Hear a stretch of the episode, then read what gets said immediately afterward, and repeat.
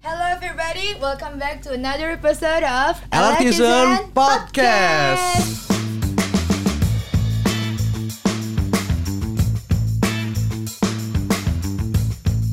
Hari ini kalau misalnya Elartisan itu hari Minggu lewat Taman Suropati, pasti pernah lihat sekumpulan orang bermain alat musik membentuk orkestra. Bener nggak? Kita hari ini bakalan bahas sesuatu yang old but gold. Wis, old but gold. Yes, kita akan bahas sesuatu yang klasik. Nah, di special occasion hari ini Elartisan Podcast akan mengundang founder, gak main-main coy. Ini Founder. founder dari komunitas musik tersebut. Yes, Siapa namanya lagi kalau bukan Agustinus Esti Sugeng Dwi Harso atau lebih sering dipanggil Ki Ages. Mantep nggak tuh? Selamat datang Ki Ages. Terima, Terima kasih, kasih Ya. sudah menyempatkan waktunya Ya. untuk main-main ke studionya Elartisan Podcast. Ya. Makasih banyak Mas. Terima kasih Mas Agi. Dan hari ini kita akan membahas tentang lebih dalam kisah dari pendirian komunitas Taman Suropati Chamber bersama Ki Ages. Ki Ages. Oke. Betul kan? Oke, eh, pertama-tama nih dari sisi panggilan. Dari sisi Ki panggilan dulu. Ages nih. Mungkin bagi teman-teman Elartisan yang nggak familiar dengan Ya. panggilan Ki, Kok pakai ini Ki? iya. Ini mikirnya komunitas musik kok yang diundang paranormal. Itu. Nice, nice, nice, nice. nah, mungkin Jadi Nah, ini dia mukanya dari Ki Ages. Supaya supaya lebih jelas lagi. Tuh, tidak ada Ah. voice voice paranormalnya di sini ya. Oke. Mungkin bisa dijelasin dulu gimana asal Itu usulnya bisa pertanyaan bagus Caca. Iya. Ya, pertanyaan bagus sekali. Eh, dari ki itu adalah ki dari eh, ki itu kiai bisa. Oh iya, benar. Karena selain saya memang sudah aki-aki ya. Nah, ya. Jadi kalau orang berlomba-lomba untuk pengen asa aku masih muda, ya saya sudah aki-aki. Ya. Tapi ki di sini eh, saya definisikan sebagai seseorang yang memang sudah eh, menguasai di bidang tertentu. Oh, oke. Bidang saya adalah musik. Jadi kalau di eh, seni Jawa itu seorang dalang meskipun masih muda, masih bocah bahkan dia akan dipanggil ki. Oh, tetap Ya, ya. eh, pemain gamelan atau Oh. guru. Jadi guru silat juga dipanggil ki. Ki eh, buat kita yang orang Indonesia sebenarnya lebih kepada bapak ya. Bapak. Hmm.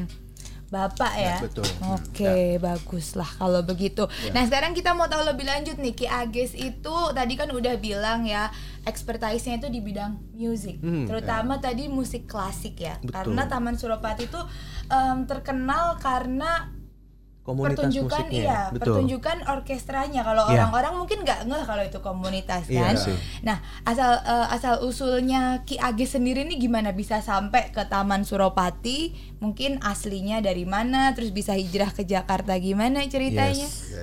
Oke, Oke, jadi saya eh, sepotong-sepotong akan menjelaskan Ya. mengenai eh, bagaimana asal usul berdirinya komunitas Taman Suropati Chamber. Betul. Jadi, tentu berawal dari sebuah kegelisahan. Nah, ini kalau orang ini kegelisahannya adalah saya tinggal di kota besar di Jakarta di mana eh, saya melihat di sekolah-sekolah itu anak-anak eh, tidak lagi eh, mengenal dengan baik lagu-lagu wajib nasional, lagu-lagu perjuangan, siapa tuh? Ya. Hagi pasti Ya salah satu. ampun, baru gue mau nuduh lo.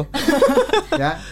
lagu-lagu eh, daerah ya di mana itu adalah eh, kekayaan. Ya kekayaan eh, tidak hanya kekayaan budaya tetapi punya kekayaan mendidik. Karena kalau kita lihat lagu-lagu kita itu kan eh, sebenarnya hampir semua lagu-lagu itu juga punya eh, apa fungsi untuk edukasi ya. Iya, betul, seperti pasti. eh, bangun tidurku terus mandi. Apa yang bangun tidurku terus main bola itu ya, ya tapi urutannya lah yang seperti apa.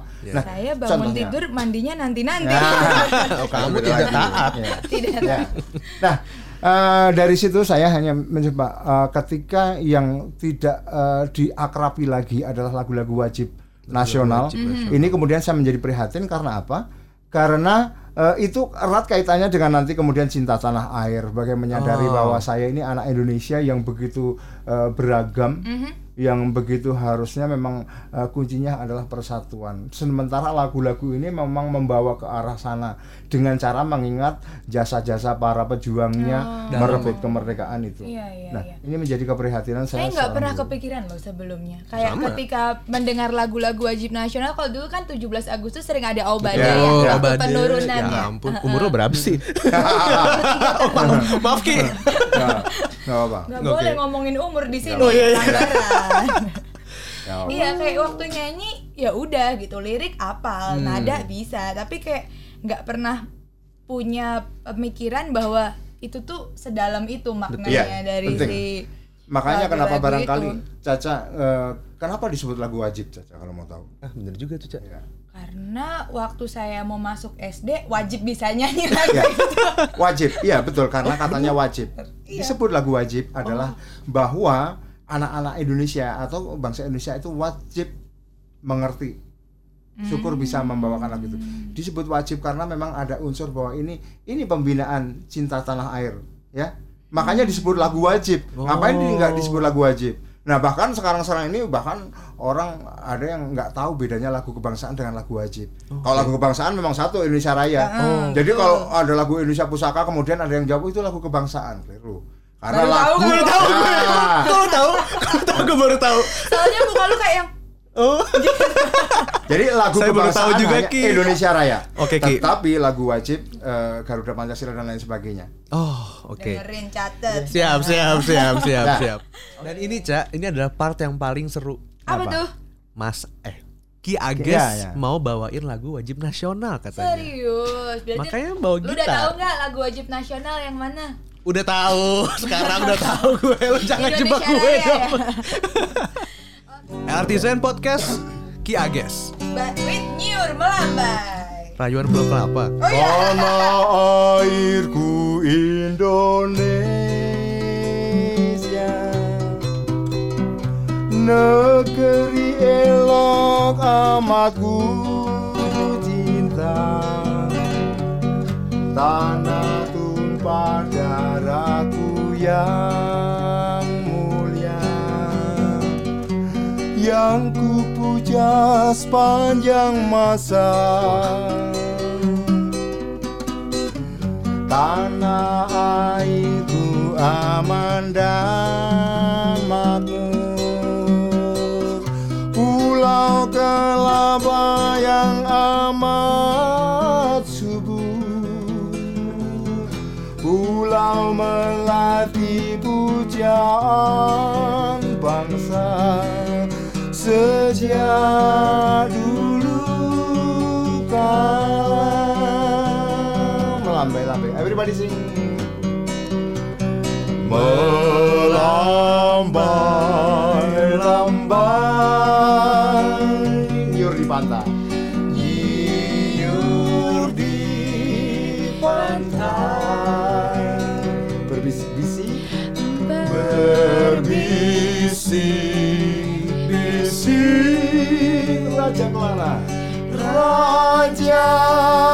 Kelana Memuja pulau. Memuja pulau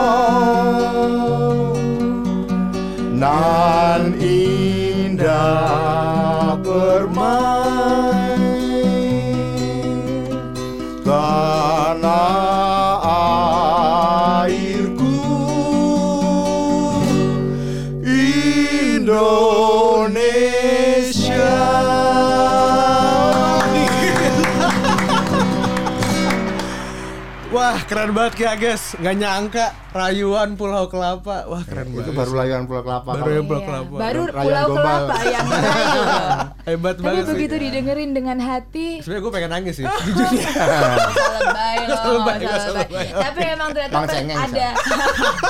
Badan doang gede dia Ki.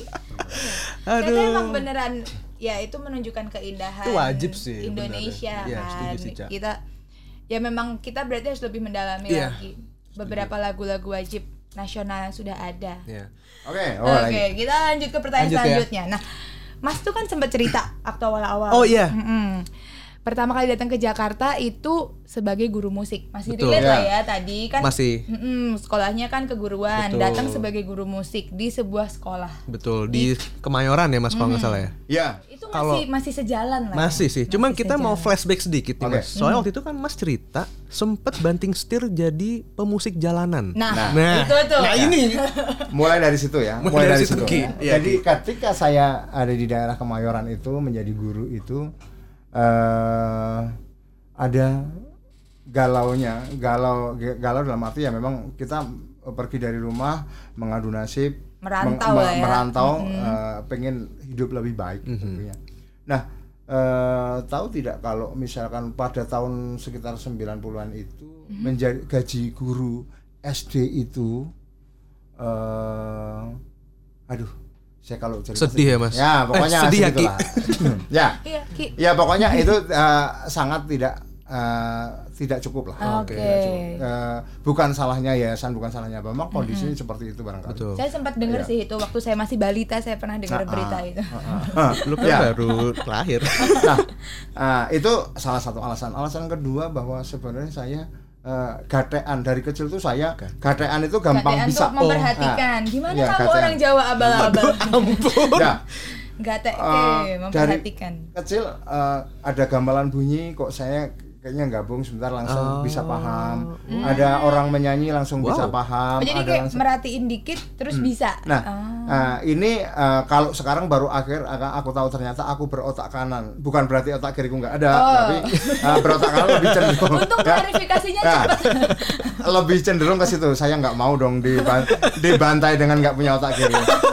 Ah, jadi Aduh. kemudian saya eh, mencoba dengan hal yang lain. Ketika paginya mengajar di sekolah, malamnya saya di daerah Kemayoran itu kan setiap gang punya keroncong. Jadi makanya terkenal ada Keroncong. keroncong Kemayoran itu sebenarnya adalah eh, eh, di Kemayoran itu se- hampir setiap RT punya keroncong lah. Oh Nah, gitu. Kemudian- Eh, gitu Ki ceritanya. malam saya gunakan waktunya untuk main ke keroncong-keroncong itu lalu saya belajar. Ya saya belajar keroncong oh ternyata keroncong ini seperti ini dan saya di situlah mulai tumbuh oh memang harus ini ini kita harus kalau saya tidak suka bilang melestarikan seolah-olah mau punah. Betul, Iya, betul. iya. Jadi Setuju, Ki. saya lebih suka dengan kata pengembangan. Saya harus kembangkan. Jadi baik secara individu saya oh keroncong saya harus saya kembangkan. Secara umum, secara uh, genre keroncong harus berkembang. Tapi saya secara pribadi harus mengembangkan kemampuan keroncong saya itu salah satu. Nah, ya itulah yang kemudian tepuk tangan saya bawa. dulu, tepuk tangan dulu. Ya, Oke. Udah. Oh udah ada. Ya, nggak apa-apa biar ada yang real. Ini, Ah. ya saya asli-asli suka aja. yang akustik. Akustik. Pom, Oke, tepuk pom, tangan aja pom, akustik ya. Nah, Oke. Nah, Oke. Nah. Nah, berangkat dari hal itu ya berarti Mas Ages Ki Ages. Ki Ya, ya. Apa-apa, Ki emang nggak perlu dibiasakan, nggak apa-apa, nggak masalah. Dibiasakan. Ya. Ah, berarti awalnya berangkat dari keroncong. Pertama Ya. kalinya akhirnya Ki Ages memutuskan untuk mendirikan sebuah komunitas. Ya. Keroncong, gelisah, ya kan? Ya, Dari ah, gelisah, keroncong. Gelisah, terus merantau, Merantau. terus keroncong, Nah. terus komunitas Betul. musik. Eh, itulah yang eh, mengawali bahwa saya mulai bermusik, kemudian saya mengenal dunia jalanan. Saya rasa kemudian ketika saya peduli kepada Taman Suropati itu ada sangkut pautnya ketika masa lalu saya belajar di jalanan itu kayaknya apa kok susah ya. Oh, Oke. Harus berusaha sendiri kayaknya pengen punya gitar yang lumayan aja kayaknya susah, Susah banget. banget. Pengen belajar mengerti itu kayaknya susah sekali. Pengen les mahal dan lain sebagainya. nah, kemudian tindakan saya di Taman Suropati adalah mempermudah. Kalau kamu punya bakat, kamu tidak harus susah. Kamu harus dipermudah. Lebih ke mewadahi Dan dan memfasilitasi. memfasilitasi. Bisa disebut seperti itu. Ya. Oh gitu Ki. Hmm. Nah, Seru sih. terus kapan mulainya itu? Nah, itu kan? Iya. Ki Agis membuat pertanyaan untuk dirinya sendiri. Inisiatif sekali. Iya, Iya, tapi kapan ini Ki mulai? pertanyaan pertanyaan tertutup sih buat Betul, saya. Iya. Karena yang bertanya saya. Jadi eh, karena tadi yang ditanyakan adalah urutannya bagaimana sih sejarahnya bisa. Oh iya betul Nah, sebenarnya kalau mau dikilas kembali, Taman Suropati itu adalah hasil dari eh, jerih payah saya berproses di jalanan juga. Oke. Nah, itu empati yang kemudian lahir dan diaplikasikan setelah saya mampu melakukan sesuatu. Wow. Ya. Jadi dari jalanan untuk jalanan. Nah, Betul. Itu sekitar 12 tahun yang lalu ya Ki ya. eh, itu terjadi ya terjadi ketika mulai Taman Suropati itu 12 tahun yang lalu. Ya. Tapi ada proses sebelum itu Sebelum kan, itu ya. sampai akhirnya pada tahun 2006 saya eh, ke Belanda saya mengajukan untuk membuat workshop tentang musik Indonesia di Den Haag. Wow. Itu melalui siapa mengajukannya? Eh, mengajukannya melalui panitia yang mengundang saya yaitu ada panitia Tong Tong Fair atau Tong Tong, Tong Tong Festival. Fair. Oh, Eh, oke, Pasar Malam oke. Indonesia. Oh, itu Iya, dari setiap acara tahun, ya. KJRI-nya Belanda ya. Eh, Jadi ada sebenarnya festival night gitu atau bukan KBRI yang punya, ini memang bisnis. Jadi memang Oh, bisnis yang yang oke. menyelenggarakan itu memang eh, komunitas ya. Tapi Hmm. kemudian Tong Tong Fair. ya dan itu sepanjang tahun. Nah, saya prihatin kemudian memang punya ide selama dari tahun sekian sampai tahun 2006 itu Hmm? eh, kalau pemusik Indonesia main di sana, main dibayar dan pulang. Iya, cuma kayak gitu aja. Iya, dan ah, saya anggap saya perlu menyampaikan sesuatu yang agak akademis lah ke orang-orang di Eropa bahwa ya, ya eh, musik Indonesia itu bukan sesuatu barang antik yang tidak bisa dijelaskan secara ilmu pengetahuan. Nah, ini Aku setuju Ki. Oke. Eh, tahun 2006 saya membuat workshop di sana. Eh, peserta workshopnya adalah ada masyarakat umum biasa sampai kemudian musisi profesional. Oh. Dan eh, akhirnya saya pada hari ketiga penyelenggaraan itu saya eh, masterclass melakukan masterclass itu. Wah. Kalau masterclass itu saya mengajar di depan dan ada satu orang memang dia jagonya di situ, dia ke depan langsung bagaimana cara main biola untuk musik keroncong. Saya ajarkan pada waktu itu di eh, di panggung, lalu itu eh, menjadi sesuatu yang menarik dan orangnya kemudian datang ke Taman Suropati ketika sekian tahun berikutnya dia ada, eh, kami ketemu terharu sekali dan dia eh, dan dia mengagumi tentang Taman Suropati itu. kita kasih tepuk tangan Oke. dulu dan juga Gila Ki. cering gitu dong. Ceritanya keren banget loh Ki. Iya. Nggak nyangka loh kita. Gak nyangka Iya kan? dari guru kemudian ke jalanan ternyata bisa sampai mancanegara. Dan dari Itu bah- pegunungan menoreh loh. harus digaris bawahi, Harus digaris ya bawahi. itu ya. Ini gila sih. Oke, kemudian dari perjalanan panjang itu akhirnya Aki memutuskan untuk mendirikan Taman Suropati. Kita langsung skip aja ke Oke. eh, event di mana Ki Age sudah mendirikan Taman Suropati yang Yes. sampai berprestasi memecahkan dua Rekor. kali rekor Dua kali rekor muri. Ya. sebagai komunitas musik dengan anggota terbanyak yang melakukan konser di taman. Ya. Karena kan sesuai dengan cerita Ki Ages nih, eh, Ki Ages ingin agar generasi muda Indonesia kembali mengenal lagu-lagu wajib dan musik Ya. klasik. Nah itu eh, untuk kepesertaannya sendiri di Taman Suropati itu apakah Ki Ages membatasi, misalkan dari usia berapa Oh, iya. untuk bisa join menjadi komunitas? komunitas eh, ini tidak dibatasi dengan usia. Jadi Mhm. memang eh, karena namanya sifatnya adalah ini kan bukan sekolahan. Betul. Jadi ini lembaga pendidikan non formal. Hanya kemudian saya memberikan prioritas kepada anak usia produktif untuk belajar. Anak Jadi produktif, oke. artinya bahwa ketika anak itu memang sudah eh, siap untuk belajar, saya berikan progres yang selengkap mungkin seperti ketika mereka les di tempat yang formal. Profesional gitu. Oh. Nah, ini yang dia punya. Jadi eh, prinsip saya adalah eh, buat anak Indonesia mau kamu dari jalanan, kamu anak orang nggak punya, ketika duduk sama-sama dengan anak Jepang, dengan anak Amerika, dengan anak Inggris, duduk sebelum sempat ngobrol, cekikikan, tetapi dibagi partitur gitu langsung bisa bunyi bareng. Ah, Gila sih. itu itu loh. Itu. Berarti anggotanya harus punya dasar musik dulu dong Ki. Nah, Oh, Kalau misalkan saya ini buta nada gini ya, saya Buta ngomong nada. aja kan fals Ya. ini kadang-kadang. Ja- jadi saya tapi pengen gitu. Nah Itu gimana, Ki? Gimana Ki? buat saya yang paling penting adalah keinginan. Wis. Ya. Willingness. karena Iya, keinginan ya ya keinginan bakat itu sekian persen ya ah itu kan kayaknya lebay ya Iya, iya sih. tapi kenyataannya kenyataannya bahwa yang punya kemauan itu biasanya akan lebih lancar. Jadi Ah, setuju akan sih. lebih lancar. Saya Setuju. tidak eh, mengatakan bahwa ini kan bukan Oke. profesional Mhm. tapi adalah komunitas. Bahwa eh, kemudian di eh, komunitas Taman Suropati ini kita tidak membatasi usia segala usia bisa masuk. Hanya ada prioritas untuk anak-anak yang eh, memang usia produktif untuk belajar. Ya. Lalu buat, buat yang tua-tua seperti apa? Ya seperti kalau ada iklan ini nah, how low can you go lah ya How low can Nah, you ya. go? jadi artinya gini lah ini monosuko aja artinya bahwa kamu bisa sampai mana kamu bisa Nah. sampai mana itu kan sifatnya eh, mereka hanya ini, Sukarela just ya. Iya, fun, mungkin ya. just mereka passionate Ya. di situ atau melepas rindu. Iya. Ki, tapi aku penasaran, Ya. kenapa harus mecahin rekor muri?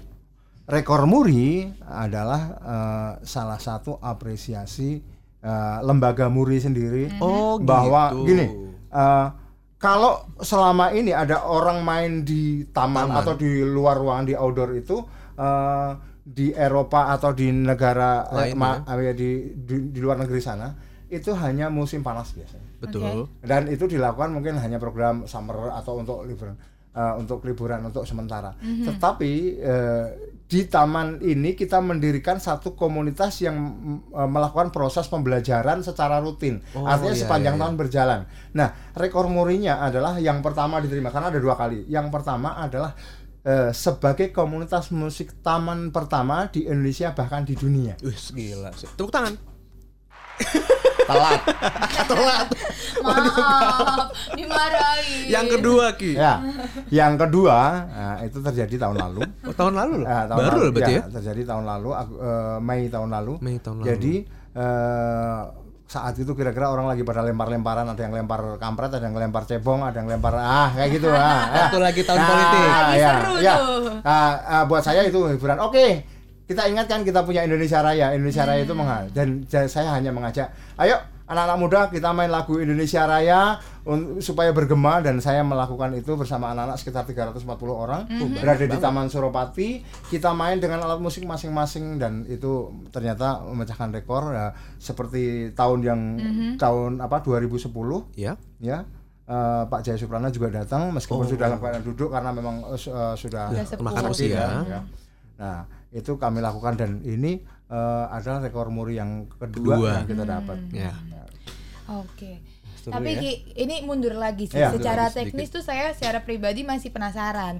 Kayak kalau misalkan ini kan bukan lembaga pendidikan formal. Ah. Orang-orang join kayak kalau orang pendidikan formal kan ada tahun ajaran ya, Iya. misalkan barengan setuju, gitu. setuju. Walaupun sama-sama Nah. nggak bisa, kalau mulai barengan kan belajarnya ada tuh prosesnya. Nah kalau di komunitas kan berarti ada yang udah levelnya sampai sini, ada yang nyampe sini, tapi mereka didudukin bareng, dibelajarin bareng. Itu Oke. gimana tuh? Jadi eh, dulu waktu saya masih sendiri, saya belum mencetak para pengajarnya. Wih. Jadi para pengajar yang sekarang ada ini juga hasil cetakan saya. Wih.